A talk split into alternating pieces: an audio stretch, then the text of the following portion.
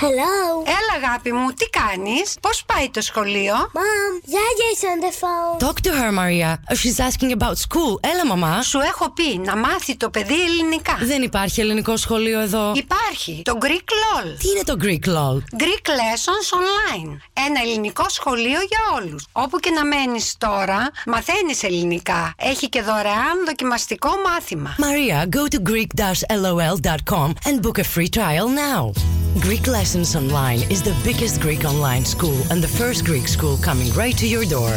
All lessons are delivered by highly qualified native Greek teachers. Open the virtual door of the most popular and innovative online Greek school and book your free trial lesson today at greek-lol.com.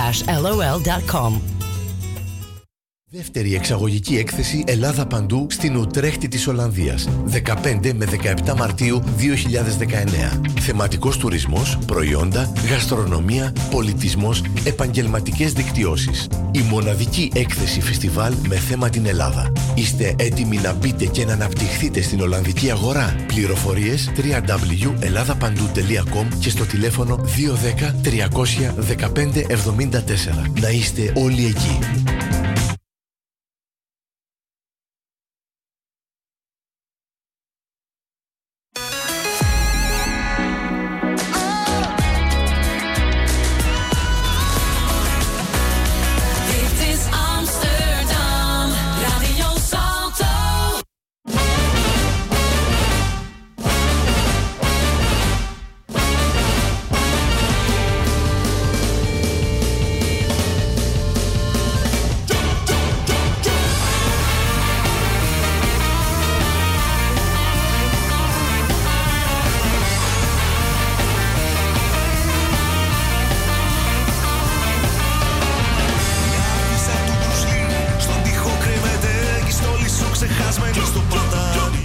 Καλησπέρα από το Άμστερνταμ. Χρόνια πολλά στους Αντώνιδες και τις Αντωνίες. Εμείς ακόμα μια Πέμπτη εδώ πιστοί στο ραντεβού μας. Εσείς πάλι όπου κι αν είστε, όπου κι αν βρίσκεστε, ακούτε ασφαλώς. Ελλάς Πίνακα, στη μόνη ελληνική εκπομπή στα Ολλανδικά FM, ζωντανά όπως κάθε Πέμπτη 9 με 10 το βράδυ. Τοπική Ολλανδική ώρα στο μικρόφωνο του Ράδιο Σάλτο, ο Νίκος Κουλούσιος.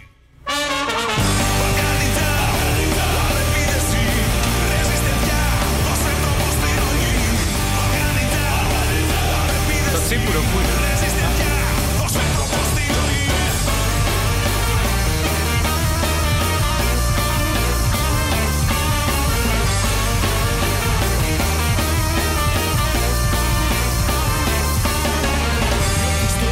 Εκπέμπουμε ζωντανά από το δημοτικό σταθμό του Άμστερνταμ. Υπάρχουν αρκετοί τρόποι για να μας ακούσετε live. Αν αγαπάτε το συμβατικό ραδιόφωνο, αυτό με την κεραία και βρίσκεστε στο Άμστερνταμ, θα μας βρείτε στο Radio Salto στο 106,8 των FM και καλωδιακά στο κανάλι 103,3. Πάλι και μόνο στην περιοχή του Άμστερνταμ. Ενώ διαδικτυακά μας ακούτε παντού στον κόσμο από το hellasπιτακas.com, το site μας με ένα κλικ στο κουμπί Listen Now.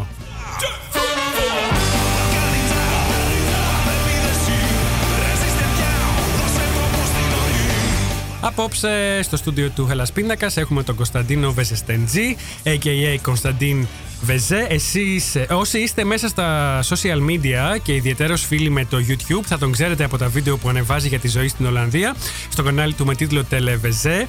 Ελάτε λοιπόν να γνωρίσουμε τον βίντεο blogger Κωνσταντίνο Βεζεστεντζή και να το ρωτήσουμε για τη ζωή στην Ολλανδία φυσικά, αλλά και για την παρουσία, του, για την παρουσία του στο YouTube, γιατί έχει ακόμα ένα κανάλι. Δεν ξέρω μήπως έχει και τρίτο και τέταρτο, θα μας τα πει.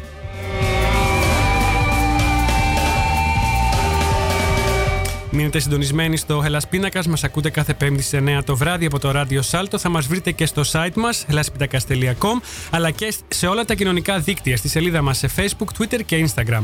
Για να επικοινωνήσετε τώρα μαζί μας ζωντανά, μπείτε στη σελίδα του Hellas Πίνακα στο Facebook και αποστάρετε το σχόλιο σας ή τις ερωτήσεις σας ε, για τον ε, Κωνσταντίνο στο- σαν νέο post στη σελίδα μας εκεί ή γράψτε μας μέσα στο Twitter. Χρησιμοποιώντας το hashtag Hellas Πίνακας και hashtag Televize.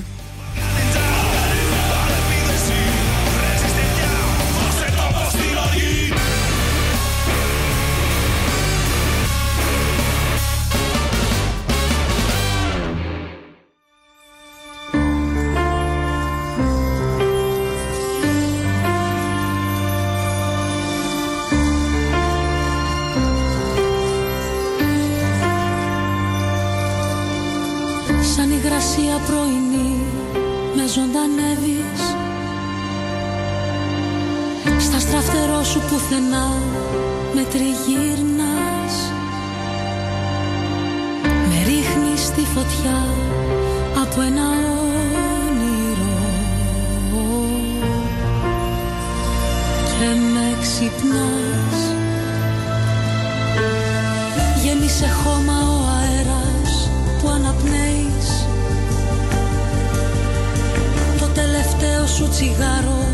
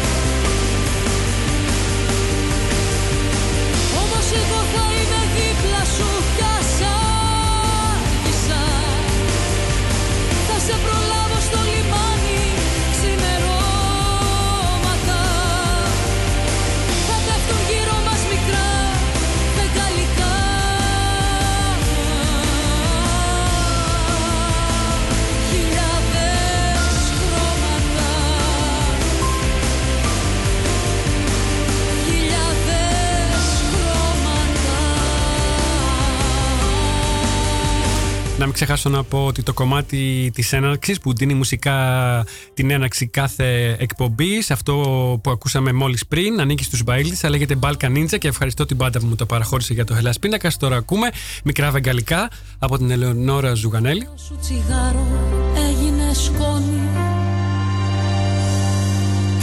Πέρασε δίπλα μου η νύχτα σου αμήλυτη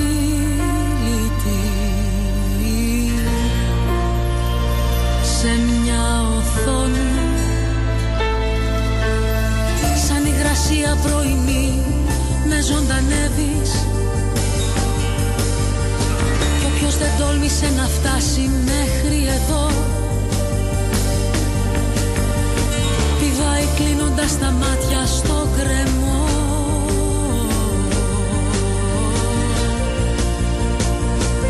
Και πετάει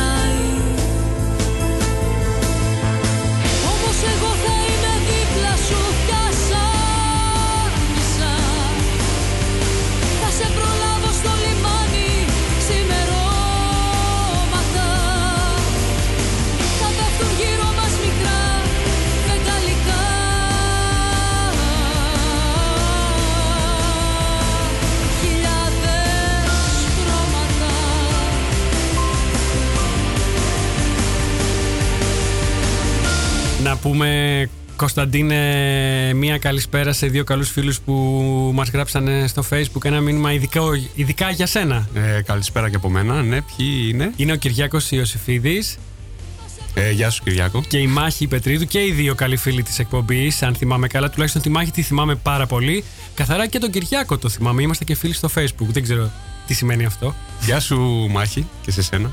Και I'm also gonna uh, say hi to Canada as always. Hi from Amsterdam to all our friends ov- over at agapigreekradio.com. And hi to all our Facebook friends too from all over the world, from Amsterdam, from uh, Holland, from Europe. Hi to Alba and Lumir.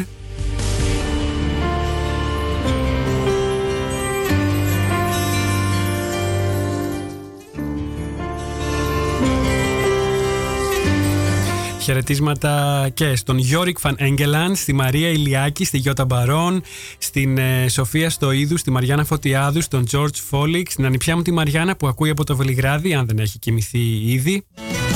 Όπου έβρισκα Έλληνα έστεινα τσαντήρι Αυτή είναι η Σοφία Φιλιππίδου, αν δεν καταλάβατε από το ρο, ρο.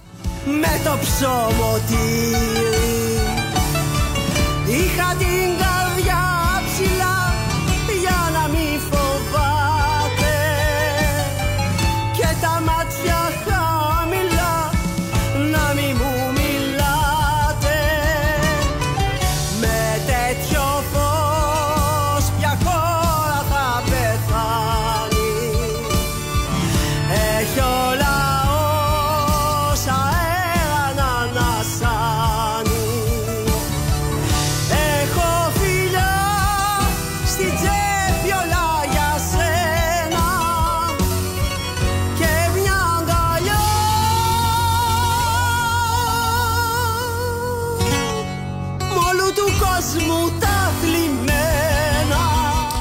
Χαιρετίσματα επίσης στη Vivian Χιονάτη, ψυχολόγο μας, τον Αντώνη και τους Super Greeks που έχει και τη γιορτή του. Χρόνια πολλά, Αντώνη. Στην Τέτη και τον Γιώργο, στον Παναγιώτη, στον Πασχάλη και φυσικά στον ανεκτήμητο μου συνεργάτη, τον ε, Art Director Νίκο Δουλό.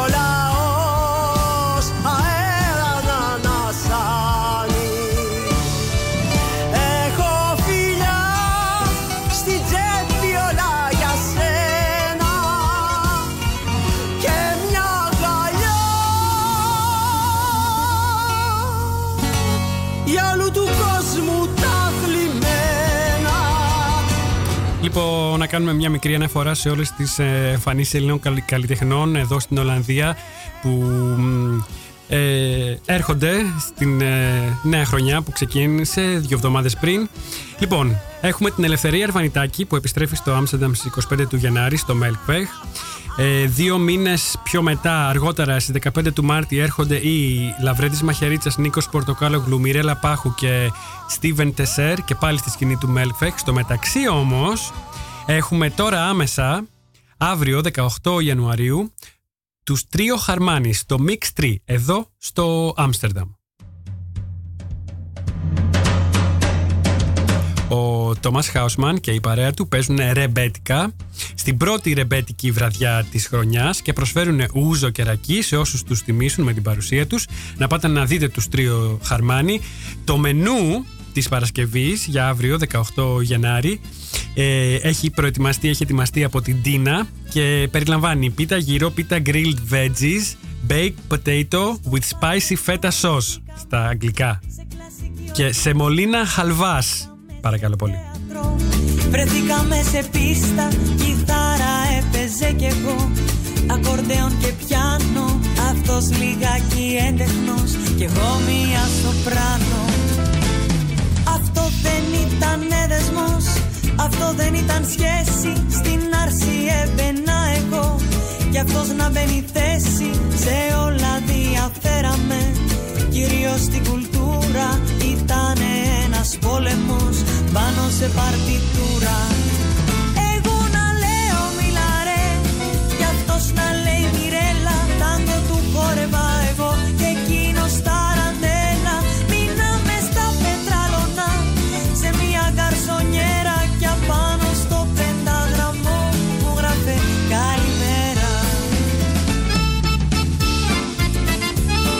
Εδώ είμαστε με τον Κωνσταντίνο Βεσεστεντζή, ε, πα, πατριωτάκι, συμπατριώτης μου. Οπότε δεν σε ρωτάω από πού είσαι. Ξέρουμε ήδη ότι είσαι Θεσσαλονικιός. Ε, δεν το ξέρουν όλοι. Το Ανήγγυλα, λοιπόν, είσαι από τη Θεσσαλονίκη. Ε, έχω μία περιέργεια φυσική, δημοσιογραφική, ίσως να μου πεις οι γονείς σου από πού κατάγονται. Ε, Από πού κρατάει η σκούφια σου που λέμε. Τι ακριβώς εννοείς. Ο παππού. Οι- οι γονείς, ναι, ναι, ναι. Α ξεκινήσουμε από το επίθετο μου που Ναι, είναι ναι. λίγο περίεργο. Ναι, ναι. Οι γονείς μου είναι. Οι, οι παππούδες μου, μάλλον, ήρθαν από τη Μικράσια. Σμύρνη. Ναι. Άνα, μπράβο. Γι' αυτό ναι, σε από ρωτάω. εκεί. Είναι πολύ χαρακτηριστικό. Μα το γι' επίθετο. αυτό σε ρωτάω. Ναι, είμαστε όλοι συγγενείς στην Ελλάδα, όσοι έχουμε αυτό το επιθετο Είναι μοναδικό. Το Μπεζεστένι, το γνωστό, η περιοχή έχει, κα- έχει να κάνει με το όνομά σου; Ναι. Είναι η ίδια λέξη, έτσι; Ναι, ναι, ναι, ναι, Σημαίνει κανονικά. κάτι; Ε, Είχε, από- ήταν, ήταν σχετικό με τους δικαστές στη Μικρασία. Το σώμα δικαστών στη Μικρασία. Μάλιστα. Και το Μπεζεστένι χτίστηκε από έναν παλιό μου πρόγονο, ας πούμε. Ορίστε. Έξω και Ε, το όνομα. Ναι. Ε, σε ποια περιοχή με, μεγάλωσες της πόλης; Ε, στους αμπελόκηπους και στις οικίες. Πώς ήταν ε, η ζωή εκεί; Ωραία. Είσαι νεότερος ε, από μένα, έτσι; Ναι, είμαι Αρκα- τρι- αρκετά 33. χρόνια. Ναι, ναι. Δεν ξέρω πόσο είσαι. Ε, Το λες. Είσαι σίγουρα. Ε, εννοείται, 42. Α, εντάξει. Ε, ε, Πώς ήταν η ζωή με, μεγαλώνοντας στην πόλη για να θέλω λίγο να συγκρίνω. Έβγαινες, ας πούμε, στο κέντρο, έβγαινες στην περιοχή σου; Α, μιλάμε τώρα για όταν ε, μετά, λίγο έτσι, όταν ναι. ήμουν φοιτητής. Να μας δώσεις το στίγμα σου. Ναι. Σπούδασες στη Θεσσαλονίκη, στο Απιχητά. Σπούδασα στο Απιθύτα, ναι. Τι σπούδασες; Σπούδασα θεολογία, Έλα ρε. ναι. Μετά σπούδασα και μουσική στη Θεσσαλονίκη. Α, ξέρεις Ε. τον, τον ξάδερφό μου, τον ε, Κουμασίδη, τον Ιορδάνη, που σπούδασε και αυτός στη θεολογία. Μήπως έτυχε; Και δεν μου λέει Όχι. κάτι. Λοιπόν, δεν, δεν πειράζει. Ε, ναι, ναι. Ε, γενικά, Για ποια εποχή μιλάμε, σπούδασες τέλη Μπήκα το 90s. 4. αν θυμ- Όχι. Το δεν- 2004, οκ. Ναι, εντάξει. το 8 πήρα το πτυχίο μου. Ωραία. Ε, μετά στρατό. Και στην Ολλανδία ήρθες πότε; Το 16. Α, αρκετά χρόνια μετά. Ε, ναι. Στο ενδιάμεσο, τι προσπάθησες να κάνεις, τι ήθελες να κάνεις, τι έκανες. Έκανα, διά, έκανα διάφορα πράγματα. Έκανες και ραδιόφωνο, μου είπες. Ναι, έκανα ραδιόφωνο. Πού; Έκανα σε ένα ιντερνετικό σταθμό. Ωραία. Αλλά συνεργαζόταν με ένα τοπικό κανάλι της Θεσσαλονίκης. Τι μουσική έπαιζες; Δεν θα πω ποιο. Ε, ροκές έπαιζα, εντάξει. Α, ε. Είμαι... Α, είσαι ροκάς; Ναι, είμαι... Είσαι ροκάκι, έλα. Ναι, ρε. Έπαιζα λίγο έντεχνο στην αρχή, έτσι έφτιαχνα την Ναι, κατάσταση. το πήγαινα για, χαλαρά. για εκεί σε είχα. Και μετά το πήγαινα ροκ και μετά. Ιδίως από τις συναναστροφές σου με τον ε, Πάνο, τον ε, φίλο μας από τους Τσίπουρο Εντεπότε. Οκ, ναι. ναι, ναι. Ε, τα παιδιά παίζουν άλλη μουσική. Anyway. Ναι, όντως, λίγο πιο. Οκ, ναι. Ε, μ, μάλιστα. Ε, Προσπάθησες, ας πούμε, να κάνεις και κάτι στον επαγγελματικό. Ως, ε, ε, στα, εργα- στα εργασιακά στη Θεσσαλονίκη να ξεκινήσεις κάτι; Είχες κάτι εκεί που άφησες όταν Ε, έφυγες; η- Η αλήθεια είναι ότι έκανα κάποιες Ναι. έτσι, ας το πούμε, ενδιαφέρουσες δουλειές Ναι. στην Ελλάδα. Γιατί με πτυχίο θεολογία. Καλά, ναι, δεν υπή... έκανα, ξέρεις, έκανα τα χαρτιά μου καθηγητής και τα σχετικά. Περίμενες, κάποια είχες στιγμή. κάποια ευκαιρία ή δεν ήθελες καν; Δεν... Όχι, τα έκανα γιατί γενικά νομίζω ότι Ναι. το έχω λίγο αυτό το πράγμα. Α. Ναι, φαίνεται και στα βίντεο. Είμαι Φαίνεται, λίγο. φαίνεται, το φαίνεται. κουνάω το Μη- δάχτυλο Μία μερικές άνεση φορές. την έχεις, ναι, μία άνεση την έχεις. Θα τα πούμε και μετά. Καλοπροαίρετα πάντα. Ξέρω, ε, μερικές, φο- μερικές φορές φαίνεται λίγο αυστηρό, αλλά είναι το. Και εγώ καλε, καλοπροαίρετα σε ξεσκόνησα. Και θα, θα τα πούμε όλα σήμερα. Πες, τι- πες μου, πες μου, τι θες. θα, θα φτάσουμε και εκεί. Ε, Πες μου για την Ολλανδία. Ε, καταρχήν, λες ένα, πως- σε ένα από τα βίντεο σου ότι είναι, ήταν το δημοψήφισμα που έπαιξε καθοριστικό ρόλο στο να πάρεις την απόφαση και να έρθεις εδώ. Αυτό θα θέλω λίγο να μου το πεις με δικά σου Α, λόγια, έτσι α. φρέσκα λόγια εδώ. Μ' αρέσει, έχουμε πιάσει τα σοβαρά κατευθείαν Ναι, και ναι, ναι, ναι, γουστάρω ναι, ναι, πάρα ναι. πολύ. Λοιπόν, ε, ναι, ήταν το δημοψήφισμα. Θα σου πω τι ακριβώς έγινε τότε. Ήταν καλοκαίρι του 2015. Είχε γίνει όλη η αναταραχή. Θυμάμαι τον εαυτό μου. Ωραίες εποχές. Πολύ ωραίες. Ήσουν εκεί. Ήσουν, Ω, δεν, πρέπει να ήσουν εδώ τότε. Ε, εγώ τα έζησα όλα τα μεγάλα γεγονότα από εδώ. Είμαι, είμαι εδώ από το 99. Δεν, δεν καταλα... Α, εντάξει. Ναι, δεν καταλαβαίνεις τότε τι γινόταν. Ήταν λίγο περίεργη η κατάσταση. Πήγε, ε, έβλεπες ένα πράγμα. Ο ένας ήταν να φάει τη, τη σάρκα του άλλου. Μμ. Αυτό εμένα κάπως ρε παιδί μου μου έκανε να συν... δεν ξέρω πώς να το πω, να συνειδητοποιήσω λίγο την ελληνική κοινωνία. Ναι. Ήταν η πρώτη φορά ίσως που ήρθες αντιμέτωπος με τόσο... Με, με αυτό το φαινόμενο σε τόσο έντονο Ναι, και βα- άρχι- βαθμό. Εγώ επειδή μεγάλωσα στα, στα 80s και θυμάμαι Ναι. ακόμα ας πούμε, τις συγκεντρώσεις τις μεγάλες των δύο μεγάλων κομμάτων και το μίσος που υπήρχε και τον, και τον άλληλος παραγμό Ναι. δεν, δεν το βρίσκω πολύ ε, ως φαινόμενο ε, ξεχωριστό αυτό που μου περιγράφεις. Ναι. Εννοείς ανάμεσα Ναι, ναι, στους ναι. ναι και στους όχι; Ναι, ναι, Αυτό. γινόταν. Αλλά ήταν μια κατάσταση πολύ περίεργη. Δηλαδή, δεν ξέρω, σε τέτοια θέματα. θα Εμένα έπρεπε... μου, κάνει, μου έκανε business as usual, απλά ήταν ίσως το διακύβευμα λίγο πιο μεγάλο, ίσο- ίσως. Ναι, αλλά σε τέτοια θέματα δεν θα έπρεπε να. κά- Είναι κάποια θέματα που πιστεύω δεν πρέπει να τα παίρνεις κομματικά τελείως. Ναι, οκ. Ε, Τέλος πάντων, έγινε. Γιατί γελάς; Γιατί μιλάμε για την Ελλάδα. Ναι, Ναι, τέλος συνέχισε, πάντων. συνέχισε. Ναι, στη δική μου ρε παιδί μου οπτική συμβαίνει αυτό το πράγμα. Και αφού έγινε το δημοψήφισμα λοιπόν και άρχισα να. άρχισα- ουσιαστικά ήταν σαν να άρχισαν να πέφτουν τα τραπουλόχαρτα. Άρχισα να αντιλαμβάνομαι τι γίνεται στην ελληνική Απομυθοποίηση. κοινωνία. Ναι, ναι, ναι. ναι. Ήταν σαν να ξύπνησα από ένα όνειρο, ρε παιδί μου. Ξύπνησα από τον Greek Dream. Pasok, Pasok Dream, πες το πώς θες. Είναι αυτό το πράγμα. Τα 90s, τα Ναι. 90s μας χάλασαν. Που είχα μεγαλουχηθεί με αυτό. Ναι, ναι, και ναι, ναι, ναι. ξαφνικά το είχα, δηλαδή, το είχα και από μικρός. Δηλαδή αισθανόμουν ότι κάτι δεν μου κόλλαγε, ρε παιδί μου, στην Ελλάδα. Το αισθανόμουν αυτό το πραγμα Ήθελα, δηλαδή, έλεγα στον εαυτό μου πάντα πάνε, βγες έξω, σπούδασε, δες, μάθε τον κόσμο και όλα αυτά. Ναι. Ε, έτυχε. Τελείωσα με τη σχολή, μετά γύρισα, βρήκα κάποιες δουλειές.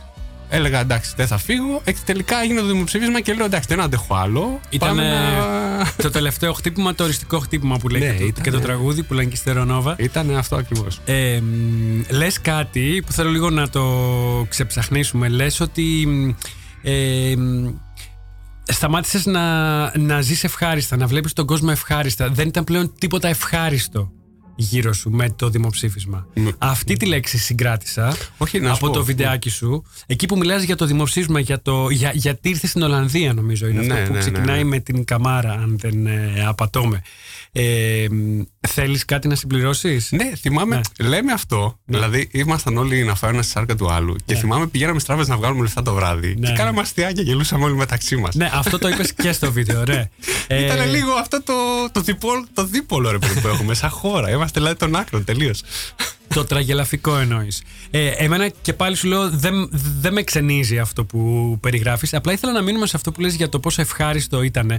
Ε, θεωρείς ότι το να ζεις ευχάριστα είναι θέμα υπαρξιακό για σένα; Γιατί μ, κάποιοι θα πούν ότι πώς μπορεί κανείς να ζει ευχάριστα σε έναν κόσμο που είναι τόσο άδικος και τόσο άσχημο σε, σε πολλές του εκφάνσεις. Αν, αν δεις σε, σε μια πόλη σαν τη Θεσσαλονίκη, σαν το Άμστερνταμ, όχι τόσο ίσως το Άμστερνταμ, πιο μεγαλούπολη, σαν το Λονδίνο, άμα δεις τους αστέγους, τους άνεργους, τους απόκληρους, αν κοιτάξουμε στην Αφρική τι γίνεται, στην Ασία. Με καταλαβαίνεις τι, ε, Ναι, τι ναι, ναι, εννοώ. καταλαβαίνω. Το να λες ότι ας πούμε δεν ήταν πλέον η κατάσταση ευχάριστη στην Ελλάδα λόγω του δημοψηφίσματος και του αλληλοσπαραγμού είναι λίγο πολυτέλεια, δεν νομίζεις; Ε, Να σου πω μετά από. Η δική μου κοσμοθεωρία, ας πούμε, Ναι. λέει ότι δεν μπορούμε να τα αλλάξουμε όλα. Έτσι. Θα ζήσουμε πόσα, 70-80 χρόνια. Ναι. Να είμαστε δυνατοί να ζήσουμε γεροί, να ζήσουμε τόσα χρόνια. ναι, Το μοναδικό που μπορούμε να επηρεάσουμε είναι ο περίγυρός μας. ναι, Αυτή είναι η δική μου οπτική, η δική μου κοσμοθεωρία. ναι. Τώρα μου λες για, όλους τους άστε- για τους άστεγους στο Λονδίνο. Δεν μπορώ να κάνω κάτι. Μπορώ να κάνω για τους άστεγους στην Ελλάδα ή εδώ, παραδείγματος χάρη, που έχω κάποιες διασυνδέσει να κάνω κάποια Ναι. Εσύ πράγματα. μίλησες για την περιραίουσα ατμόσφαιρα όταν ε, συνέβαινε το δημοψήφισμα λίγο πριν και λίγο μετά. Και δεν ήταν μια ευχάριστη κατάσταση για κανέναν φυ- φυσικά. Γι' αυτό από εκεί πήρα βα- ε, ε, έτσι, αφορμή να σου πω ότι μήπως είναι μια φούσκα το να ζει κανείς ευχάριστα σε έναν κόσμο που, που, που δεν είναι ευχάριστος. Από όπου και να τον πιάσεις, δεν είναι ευχάριστος ο κόσμος. Για να λέμε και, Όχι, γιατί; και τους τραβού το δίκαιο. Είναι ευχάριστος ο, κο, ο κόσμος. Δεν έχει ευχάριστες Όταν ο στιγμές. μισός πλανήτης είναι φτωχοποιημένος και ο άλλος μισός τον εκμεταλλεύεται για να.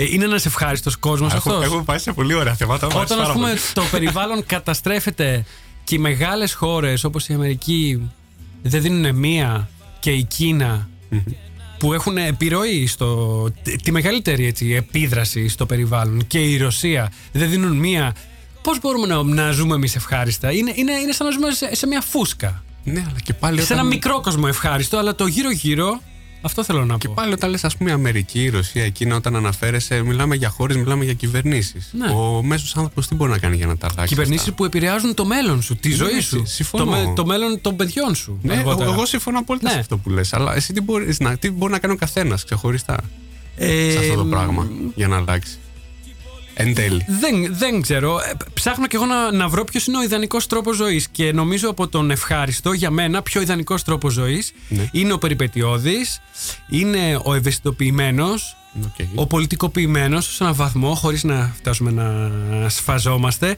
Ε, ο έντονος, ο, έντονος, ο συναισθηματικός, ε, ε, της συμπάθειας, ε, αυτό που λέμε empathy, του να νιώθεις τον. Αυτός είναι ο κόσμος. Τώρα το να ζούμε ευχάριστα, ούτως ή άλλως οι στιγμές της ευτυχίας δεν είναι λίγες, δεν είναι στιγμές. Το ευχάριστο δεν αποκλεί τίποτα από αυτά που λες. Εσύ, δεν, εσύ σαν, σαν Νίκος, εγώ σαν Κωνσταντίνος δεν δημιουργούμε το δικό μας, τη δική μας χαράς, ας Ναι. θέσουμε. Άρα τη δική μας δεν δεν καθημερινότητα. μπορούσε να το κάνεις αυτό στην Ελλάδα. Α, ε, έφτασε, Είδες. έφτασες τώρα Είδες. εκεί που. ε, όχι, στην Ελλάδα. Μα δεν- από δεν- εκεί δεν ξεκινήσαμε, μπορούσα. ναι. Ναι, όχι, δεν θα μπορούσα. Ναι. Δεν θα μπορούσα. Και το αντιλαμβάνομαι τώρα που πηγαίνω για διακοπές. Έχω πει στον εαυτό μου ότι δεν θα πηγαίνω συχνά. Άρα για σένα είναι αυτός, αυτοσκοπός το να ζεις ευχάριστα. Είναι, ε, θ- θέλω να πω, είναι, είναι υπαρξιακό το θέμα.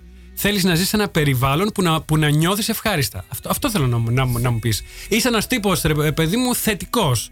Θέλεις να έχεις Προσπαθώ. ευχάριστα Προσπαθώ. παραδείγματα ζωής. Προσπαθώ. Δίπλα σου. Προσπαθώ. Ναι. Ε, μπορώ να σου κάνω μια άλλη σύγκριση, να σου πω λίγο. για- Γιατί δεν ξέρω, έχω τώρα λίγο. Έχω μπερδευτεί με αυτό που μου λες. ναι. Παραδείγματος χάρη, μου λες για την Ελλάδα. Γιατί σου λέω, βλέπω κάποιες διαφορές όταν πηγαίνω για διακοπές Μμμ. με εδώ. Έτσι. Κα, Καλός ή κακός, ζούμε σε μια χώρα που σε κάποια θέματα είναι μπροστά. Να Δηλαδή, ε, μπαίνεις τώρα λίγο στο, στο ψητό. Ε. Θα έρθουμε και εκεί. Θες να σου δώσω ένα χαρτί και ένα μολύβι να σημειώσεις αυτό που θες να πεις; όχι, το θυμάμαι. Δεν... Το θυμάσαι, οκ. Γιατί φτάνουμε και στη ζωή εδώ που θέλεις, όπως βλέπω θέλεις λίγο να τη συγκρίνεις, έτσι. Και ήθελα να σε ρωτήσω, ε, σου αρέσει η ζωή εδώ; Ναι. Ναι. Ε, γιατί, αν μπορείς συνοπτικά να μου πεις, γιατί θα το αναλύσουμε Γιατί ενώ όταν- όσο προχωράει η Θα σου κουβέντα. απαντήσω άμεσα λοιπόν, Ναι, ναι, ναι. θα το πω λίγο πιο Ναι, μετά. ναι. Γιατί όταν ανοίγεις την πόρτα το πρωί, έτσι, δεν, ε, δεν, θα, θυμε- δεν θα αντιμετωπίσεις μια, έναν αρνητισμό, ένα τόσο μεγάλο αρνητισμό. Οκ. Ε, μία τελεία. Πού νομίζεις ότι είναι η ζωή πιο ελεύθερη, με λιγότερους περιορισμούς, ε, εδώ ή στην Ελλάδα; Ας είδω, τι, γιατί ακριβώς εννοείς. Αυτό που καταλαβαίνεις. Αν το πάμε- Έτσι όπως το καταλαβαίνεις. Πού είναι η ζωή πιο ελεύθερη, με λιγότερους περιορισμούς, πιστεύεις; Αυτή είναι η, Ελλάδα. η ερώτηση. Στην Ελλάδα. Στην Ελλάδα. Μμ. Το κρατάμε. Αυτό. Ε, να ρωτήσω λίγο πώς βιοπορίζεσαι εδώ. Βρήκες δουλειά άμεσα μόλις ήρθες. Ναι, Αυτά ναι, ναι, ναι, λύθηκαν ναι, τα ναι. θέματα. Ναι, ναι, ναι. Σπίτι, δουλειά. Όχι, το σπίτι παιδεύτηκα. Ακό... Α, ναι. όχι, εντάξει, τώρα δόξα τω Θεώ. Τώρα είσαι εκεί. Βρήκα στούντιο στην Ουτρέχτη που είναι εντάξει, σαν να έχεις κερδίσει το. Εντάξει, όχι το Τζόκερ. Βρήκες, με το που ήρθες ήρθες στην Όχι, Ουτρέχτη. βέβαια. Όχι. Α. Έφτα- έφτασα να μείνω δύο φορές στον δρόμο. Για από να θέμα στο- σπιτιού. στον δρόμο. Στον δρόμο, κανονικά. Με τα πράγματά σου. Με τα πράγματά μου, ναι, δεν μπορούσα Μάλιστα. να βρω κάτι. Το έχω πει, και σε- και ναι, το έχω πει στα βίντεο αυτό. Ναι. Ε, ήτανε, όταν ήρθα εδώ, είναι το κλασικό που θα βρεις οπουδήποτε να μείνεις. Ναι. Οπότε βρήκα ένα δωμάτιο το οποίο ε, πλήρωνε αρκετά λεφτά και κάποια στιγμή αποφασίσαμε όλοι όσοι μέναμε εκεί πέρα να κάνουμε καταγγελία. Και με το που κάναμε καταγγελία, μας πέταξαν έξω. Οπότε ξαφνικά πρέπει να βρω σπίτι. Και Κα- άστο κάνατε τότε τι καταγγελία έγινε. πού; Στο... Για να μαθαίνει ο κόσμος που στο μας ακούει. Χουρτί. Μάλιστα. Σε ένα ε, χουρκομίσι νομίζω. Λέει, Χουρκομίσι. λέγεται. Ναι, είναι, έχει κάποια παρακλάδια. Ε, ναι, ναι, ναι. Είναι μια υπηρεσία που ανοίγει στο Δήμο, αν δεν κάνω λάθος έτσι, Ναι, ναι. και μπορείς να κάνεις καταγγελία. Ναι. Ε, δεν είχε όμως αποτέλεσμα αυτό που κάνατε. Το αποτέλεσμα ήταν στην ουσία να μείνετε στο δρόμο. Ε, Πρακτικό αποτέλεσμα για εσά δεν υπήρχε. Εγώ θα σου πω ότι όπου να είναι θα γίνει. Α. ή θα πάρω τα λεφτά πίσω. Θα πάρετε τουλάχιστον τα λεφτά σας πίσω. Είναι σημαντικό αυτό. Ναι, είναι που- πολύ για σημαντικό. τον κόσμο που μας ακούει. Όχι, να σου πω, ξέρεις τι, Ναι. δεν είναι τα λεφτά. Γιατί τελικά μπορεί. Όχι, ε, ε, ο άλλος μπορεί να έχει 100 σπίτια. Είναι και τα λεφτά. Και να, ε, εντάξει, άμα τον κάνουν καταγγελία από τα 100 σπίτια ή 10, Ναι. πάλι κέρδος θα έχει. Το θέμα είναι όμως τον βάζει σε μια διαδικασία να σταματά να αυτά Ναι, σιγά ναι, σιγά. ναι, ναι, ναι, πρέπει, να, πρέπει να είμαστε ενεργοί πολίτες. Αυτό να είναι από τα πράγματα ας πούμε, που Ναι, ναι, σου συμφωνώ. δίνει η Ολλανδία. Συμφωνώ. Συμφωνώ. Αν και πάρα πολλοί κόσμος έχει χάσει χρήματα και δεν τα έχει πάρει πίσω. Σε αυτήν εδώ την χώρα. Ναι, ναι, ισχύει. Απλά πρέ- πρέπει να ξέρεις λίγο και πώς να κινείσαι. Ε, μ, άρα το πιο δύ- δύσκολο θέμα έτσι στραβό ε, που αντιμετώπισες όταν ήρθες ήταν το σπίτι. Το σπίτι. Έτσι, το να Ε, βρεις ήταν που, σπίτι. ε, ήταν, ήμουν ένα χρόνο εδώ πέρα, ήταν η φάση του τουρίστα. Ναι, Ε, Δεν θυμάσαι τι λέγαμε έξω. ναι, ναι. ναι. Ήταν η φάση του τουρίστα Ναι, το ναι, ναι. πρώτος χρόνος. Και μετά ξαφνικά εκεί που ήμουν ωραία, ήμουνα, είχα βρει μια σειρά στη ζωή μου. Α πούμε, Ναι. έρχεται αυτό και εντάξει, έπρεπε ξαφνικά να. Ε, ε, εννοείται. ξανά από την αρχή. Αυτή όλα. τη στιγμή, δύο χρόνια μετά, ποιο είναι το θέμα, θα έλεγες, που αντιμετωπίζεις και σε απασχολεί αρκε- αρκετά ζώντας εδώ. Αν υπάρχει κάτι; Δεν νομίζω ότι υπάρχει κάτι που. Τι Ωραία. εννοείς, μιλάμε τι, τι θα μπορούσε να αλλάξει; Σημασία δεν έχει τι εννοώ εγώ. Εσύ, εσύ τι καταλαβαίνεις. Μου είπες ότι αυτή τη στιγμή δεν υπάρχει κάτι. Έτσι, μένουμε. Είναι θετικό το μήνυμα. Ναι, είναι Μένουμε εδώ. Αν υπήρχε κάτι, θα σου βγαινε. Θα το έλεγες. Ναι, ναι, ναι. Που σε απασχολεί εννοώ αυτή τη στιγμή. Πάμε να ακούσουμε. Είμαστε στα μισά της ώρας. Πέρασε ήδη μισή ώρα. Ναι. Ε, θα ακούσουμε Άννα Παναγιωτοπούλου, ο Έλληνας. Σημαντικό. Ε, μα, σημαντικό. Ε, κομμάτι έτσι εμβλη- εμβληματικό και ο στίχος του και θα επανέλθουμε.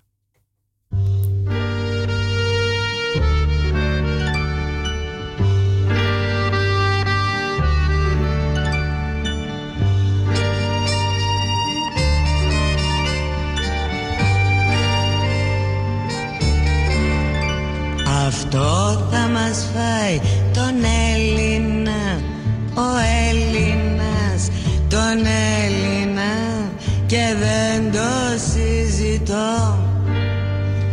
Το έδαινα το Έλληνα Κι αφού το ξέρει η Έλληνα Θα κάνει βαλιστό.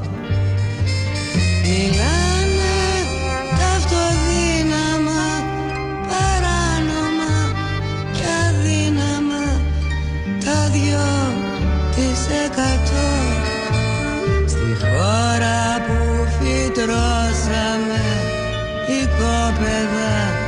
φυτρώσαμε οικόπεδα κληρώσαμε Στο παρελθόν πληρώσαμε μεγάλο ποσοστό. Γι' αυτό κι εμείς ξεφτύλα μας, κασίλα μας Σκόρδο καήλα μας, κασίλα μας. Μοιράζουμε τα φύλλα μας, κασίλα μας. Κοιτάξτε την ξεφτύλα μας. Τιμή μας και καμάρι μας, κασίλα μας Και ποιος τη χάρη μας, κασίλα μας. Πουλάμε στο παζάρι μας, κασίλα μας.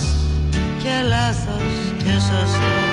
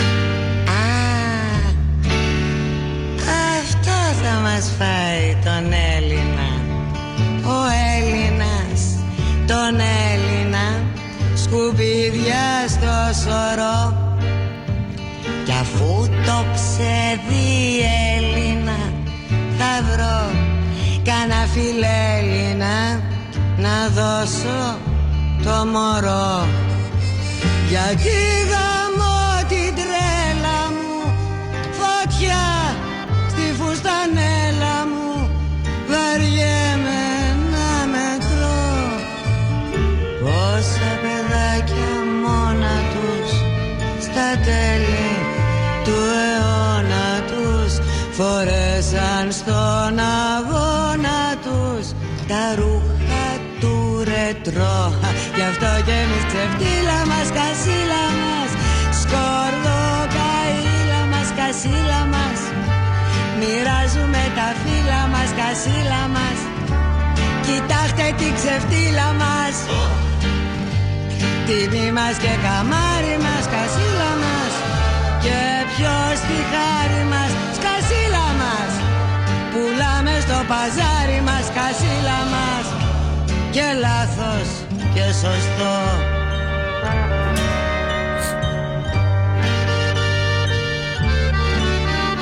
Λοιπόν, επανερχόμαστε στην κουβέντα μας με τον ε, Κωνσταντίνο. Ε, μ, λοιπόν, να μιλήσουμε λίγο για το YouTube.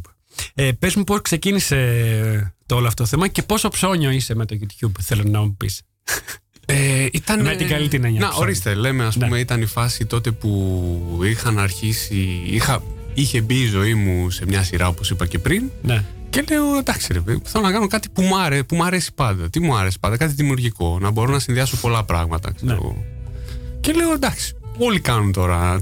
Όλοι κάνουν βίντεο στο YouTube. Λέω, ας προσπαθήσω. Ξεκίνησε πολύ χαλαρά το όλο Το θέμα. πρώτο σου κανάλι τι ήταν. Α, το, τε- είναι το πρώτο μου κανάλι το τε- Televe- Television, το οποίο Ναι. είναι το αγγλικό και εκεί απλά ξεκίνησα πειραματιζόμουν. Έχω ανεβάσει τα πάντα. Έχω ανεβάσει βίντεο που απλά δείχνω την Ολλανδία, έχω ανεβάσει βίντεο από διακοπές στην Ελλάδα. Έχεις έχω ανεβάσει για ε, video games; board games, ναι, επιτραπέζια. Α, board games, ναι, είναι, το, οκ, είναι το sorry, χόμπι μου. Sorry, ναι, ναι, ναι. Α, Ε, ωραίο χόμπι. Ναι, ναι, είναι και ειδικά για την Ολλανδία. Είναι ωραίο γιατί γνώρισα πολύ κόσμο μέσα από αυτό. Εδώ, ναι, είναι αρκετοί φαν. Ε, μ, μάλιστα. Και κάποια στιγμή. Ναι, για τα μαθήματα μετανάστευσης, εκεί να καταλήξουμε. Ναι, μπράβο. Και κάποια στιγμή ξεκινάω και το. ήθελα και ένα ελληνικό κανάλι. Δεν ήθελα να χάσω την επαφή με την ελληνική. Με Ναι. την, με την ελληνική μου πλευρά. Την άνεση στο φακό από πού την είχες; Ποιος είπε ότι έχω άνεση; Φυσικός σου είναι. Έχω, Έχεις, έχεις. έχω άνεση. Έχεις, έχεις. Εντάξει, παίζει και λίγο μοντάζ. Παίζει και λίγο μοντάζ, είδα, αλλά έχεις και μία άνεση. Στη ροή του λόγου έχεις. Α, όχι, εντάξει, αυτό το έχω. Στο Ναι, φακό, είμαι, έχεις, είμαι έχεις. καλός. Αλλά μην πεις, ας πούμε, βγει έξω και κάνεις βίντεο, θα φρικάρω. Δεν υπάρχει περίπτωση. Είναι... Τι εννοείς έξω; Δηλαδή, κάποια βίντεο Α, που έχω κάνει ναι, ναι, ναι. εξωτερικά γυρίσματα ήμουνα σε φάση. Εντάξει, τώρα δεν θέλω να με κοιτάνε και πολύ. Τι κάνω και τέτοια. Τι είσαι ντροπαλούλης, εγώ δεν σε είχα. Όχι, Τέλος είμαι, πάντων. γιατί, ναι, είμαι. Οκ. Ή, όχι, είναι καλλιτεχνική φύση νομίζω. Ναι, ναι, ναι, ναι, Να ναι. ορίστε, βγαίνουν τα ψωνίστικα τώρα.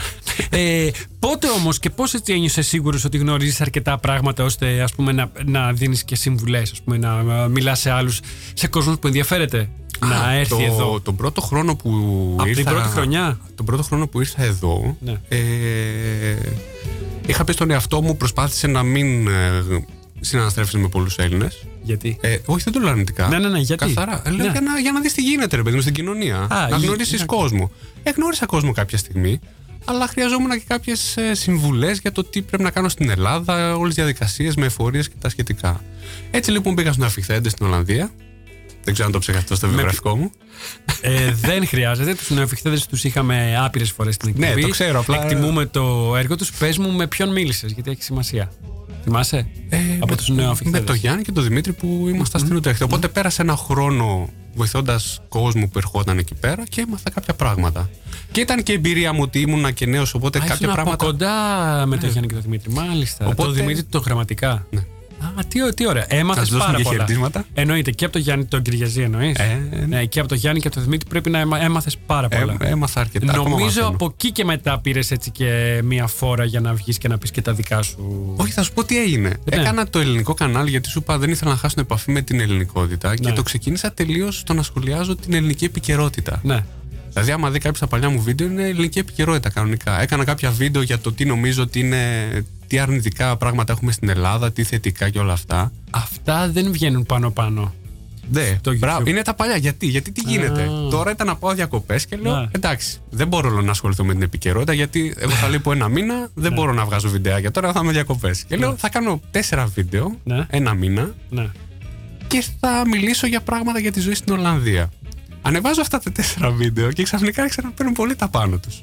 Και άρχισε κόσμος να με ρωτάει τι πρέπει να κάνουμε για να έρθουμε. ε, Διψάει ακόμα. Ναι, ακόμα υπάρχει ναι, κόσμος πάρα πολύ. που διψάει.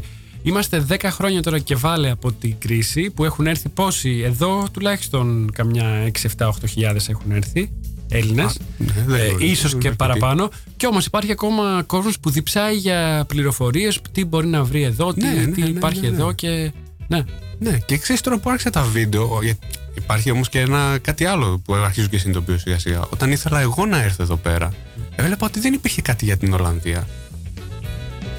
Έχει, για, πολλέ- έχει καλά για Αγγλία δεν το συζητώ, έχει πάρα πολλά άτομα που κάνουν και κάνουν ωραία δεν βίντεο. υπάρχει κάτι ίσως πολύ οργανωμένο. Όχι, σε Υπάρχει βίντεο, σε άνθρωποι- βίντεο εννοώ. Α, σε βίντεο.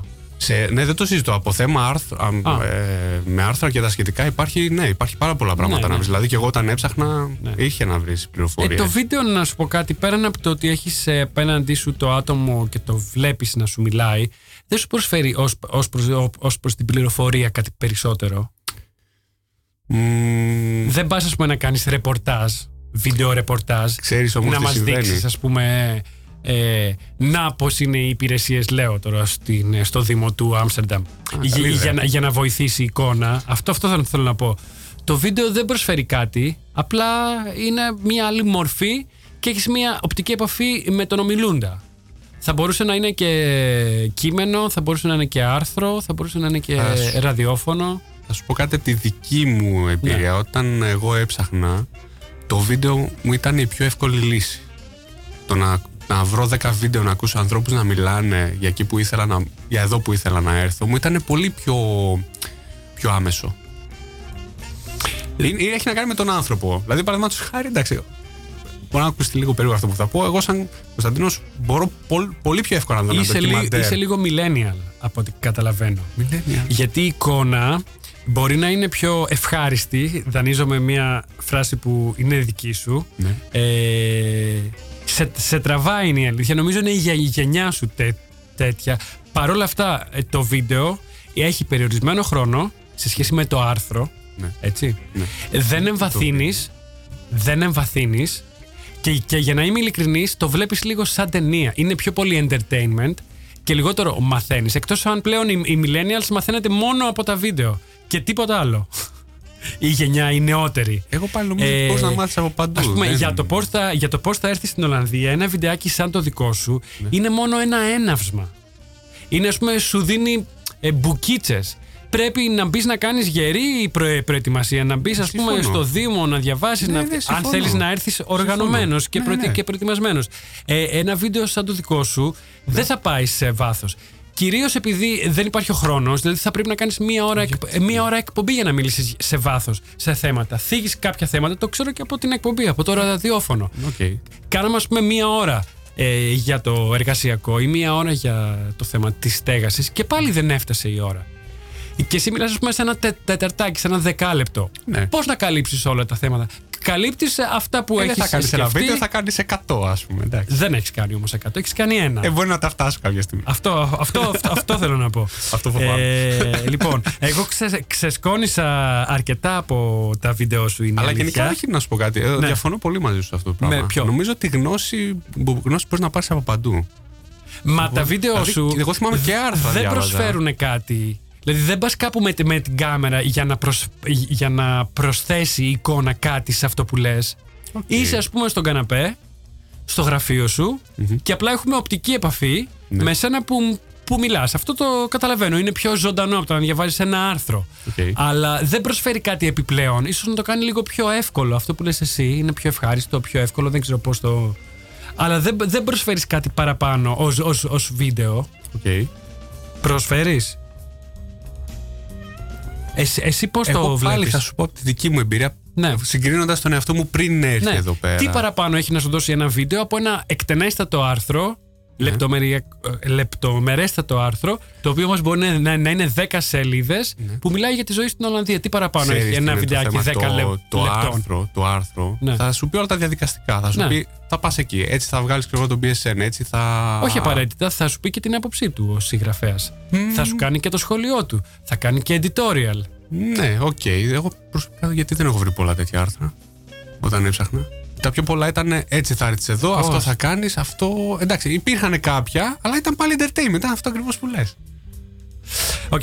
Λοιπόν, να πάμε λίγο στα βίντεο σου. Είναι πιο σημαντικό και μας έχει μείνει μόνο ένα τέταρτο. Είναι Πω. πιο σημαντικά. Πέρασε.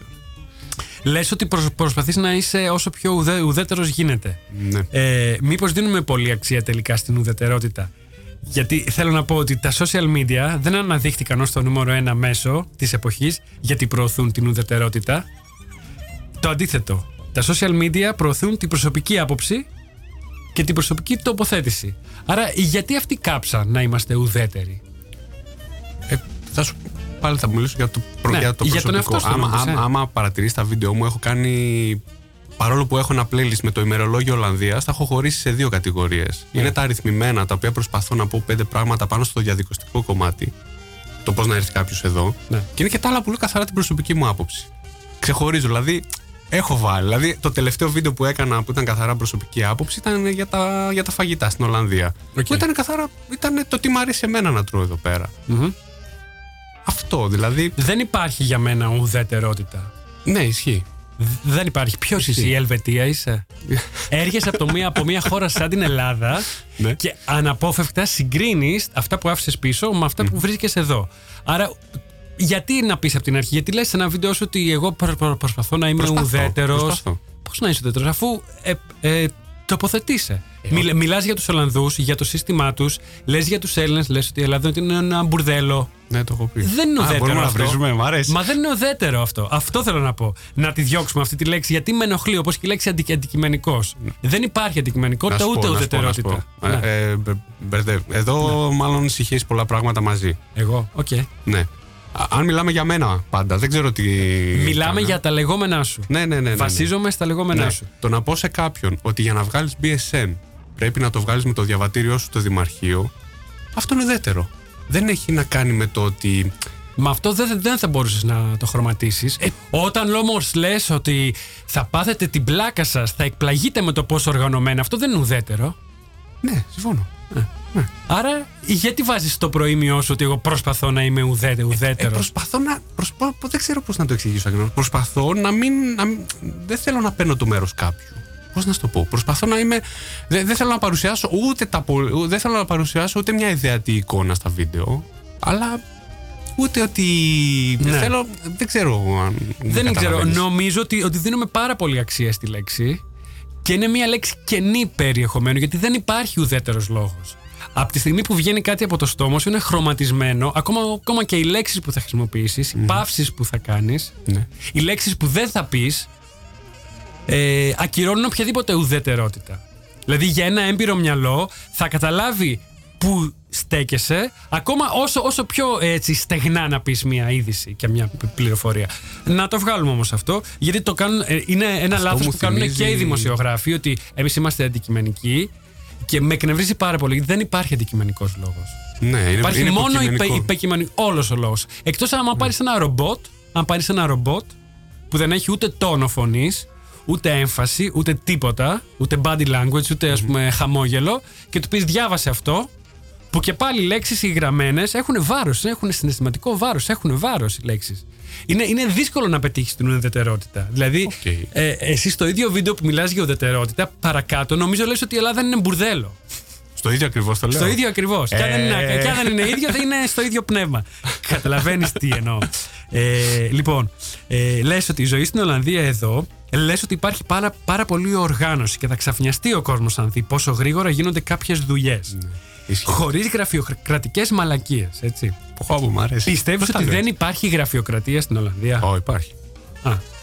Άρα; Είδες, δεν είπα αυτό. Άρα; Ε, κοίταξε. Είπε- όταν είπες έρθεις από χωρίς- την Ελλάδα. χωρίς γραφειο- ναι, οκ. Εγώ θα σου, πω, θα σου πω ένα παράδειγμα που συμβαίνει τώρα. έχω, πάει, έχω καταθέσει τα χαρτιά μου για να γίνω κάτοικος εξωτερικού το Σεπτέμβρη. Ναι. Και ακόμα δεν έχω τελειώσει. Στην Ελλάδα. Μετά από τόσους μήνες. Ναι. Έτσι. Μου λένε, θέλουμε και αυτό το χαρτί, το οποίο μου ζητά ένα χαρτί το οποίο εγώ δεν μπορώ να καταλάβω γιατί μένω εδώ. Οπότε δεν ξέρουν και αυτοί να μου πούνε τι γίνεται. Ξέρω ότι κάποια στιγμή όταν είχα θέμα με την Ολλανδική εφορία, βασικά είχα τρία, τρία θέματα. Τους πήρα τηλέφωνο και σε 10 λεπτά τελείωσε. Καταρχήν, η εφορία είναι η μόνη υπηρεσία που δεν εξυπηρετεί στα αγγλικά. Ένα το κρατούμενο. Όχι, γιατί; Μπορείς να πάρεις. Πληρώνεις βέβαια. Να το Α. πούμε αυτό στον κόσμο. Α, Μπράβο. οκ. Όλα να τα λέμε. Ε, θα φτάσουμε όμως και εκεί. Και επίσης είναι πάρα πολύ δύσκολη στην επικοινωνία τους. Δεν ξέρω εσύ πώς το πέτυχες. Εγώ όσες φορές έχω Εγώ πάρει πήρα- τηλέφωνο. Ναι, πες μου. Ε, με έχουν στείλει, όχι, όχι Ελλάδα ο ένας τον άλλον. Τρεις χειρότερα. Σοβαρά μιλάς. λες Εγώ επίσης πήρα σε και ένα κάναμε- σημείο- κάναμε και Είσαι αστεία. τυχερός. Είσαι τυχερός. Είμαι, ναι, δεν ξέρω. Έτυχε. Άκουσέ με. Επίσης, είναι σπάνιο το να εξυπηρετούν από το belasting στα αγγλικά. Μέχρι πρώτη ήταν νόμος ότι δεν τους επέτρεπε ε, το κράτος να εξυπηρετούν γιατί είναι μια ευαίσθητη, ε, ένας ευαίσθητος τομέας τα φορολογικά, ιδίως για τους Ολλανδούς. Ε, και θέλουν οι πληροφορίες να είναι στη γλώσσα τους. Τουλάχιστον αυτό ήξερα όλα αυτά τα χρόνια που είμαι εδώ. Αν εσένα σε εξυπηρέτησαν στα αγγλικά, νομίζω έχουν αρχίσει να αλλάζουν και εκεί. Και Άμα- καλώς. άμα άλλαξε Και ακόμα καλώς. καλύτερα. Λες σε ένα σημείο ότι είναι πάρα πολύ διαφορετικοί οι Έλληνες με τους Ολλανδούς. Ναι, αλλά δεν ξέρω αν το έχω πει. Νομίζω ότι Το έχουμε, λες. έχουμε και κάποια σημεία. Όχι, ε, αν- αυτό που θέλω να συμπληρώσω, δεν ξέρω αν έχω πει.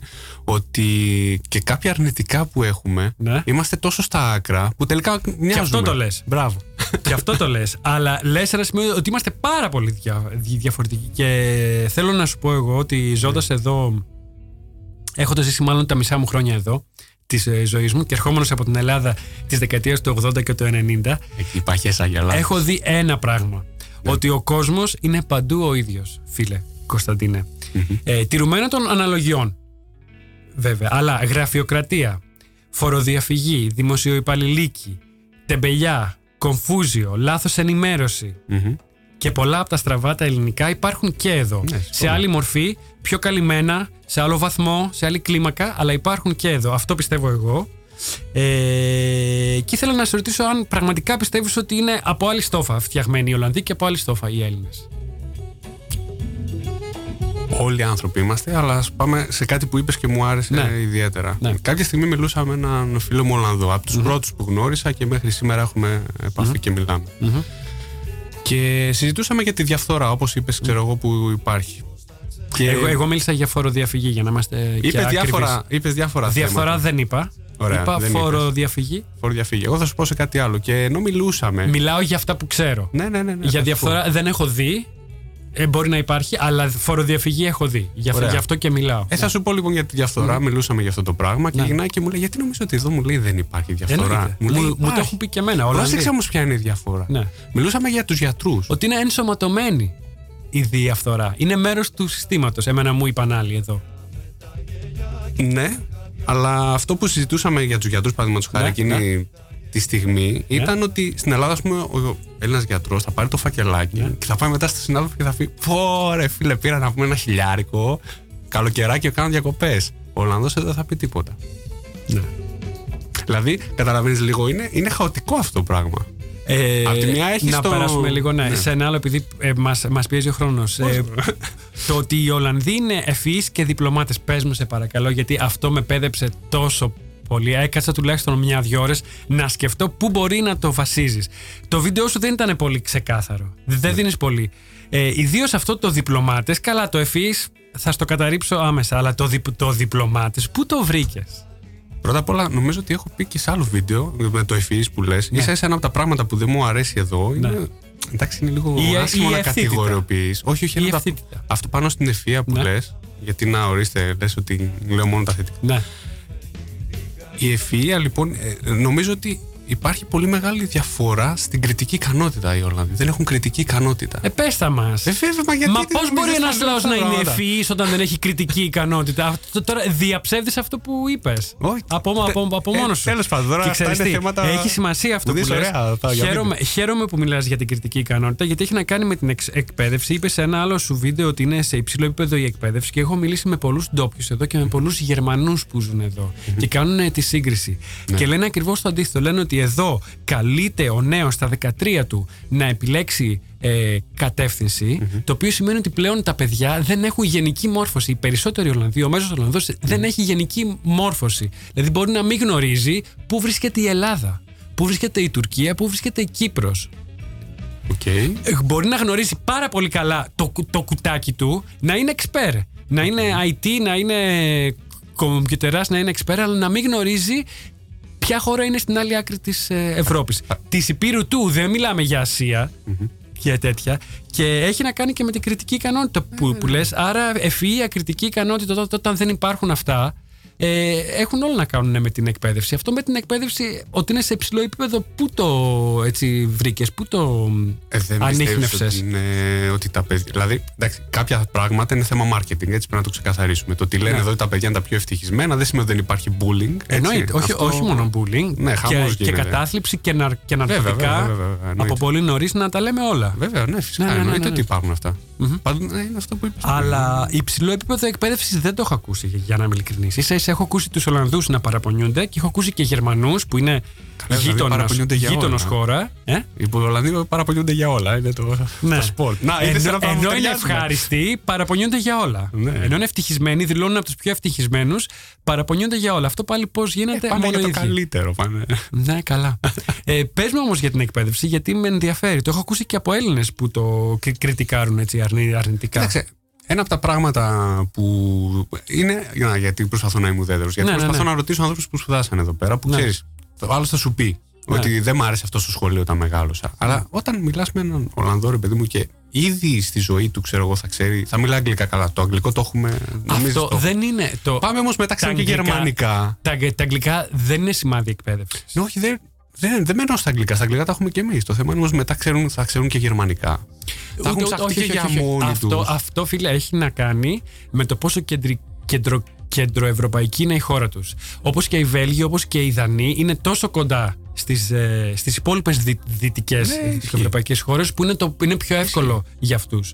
Ε, δε- δεν, δείχνει- ε, δεν, δεν εμβαθύνουν όμως. Α πούμε, οι μισοί Ολλανδοί νομίζουν ότι μιλούν γερμανικά Καλά, δεν νομίζω ότι και, μιλούν μιλά- και, αγγλικά. μιλάνε χα- και, μι- και νομίζουν ότι μιλούν καλά αγγλικά ενώ δεν μιλάνε καλά αγγλικά. Μιλούν επικοινωνιακά, δηλαδή μόνο για να επικοινωνήσουν, αλλά αν τους πεις μία λέξη λίγο πιο εξειδικευμένη θα χαθούν. Ξεγελάει. Τους έχεις χάσει. Μιλάνε όλοι τα στάνταρ, τα τυποποιημένα ο, ε, αγγλικά. όλοι, μην λέμε τώρα, οι περισσότεροι. Μιλάμε για το μέσο Ολλανδό. Οι γενικεύσεις είναι αναγκαστικές σε μια τέτοια κουβέντα. Αυτά είναι πιο πολύ κοινωνιολογικά. Έχουμε φτάσει στο τέλος του χρόνου. Σοβαρά μιλάς.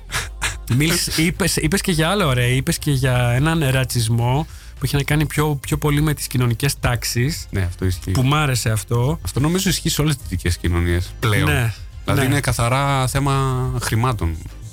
Από εκεί έρχεται ο ρατσισμός.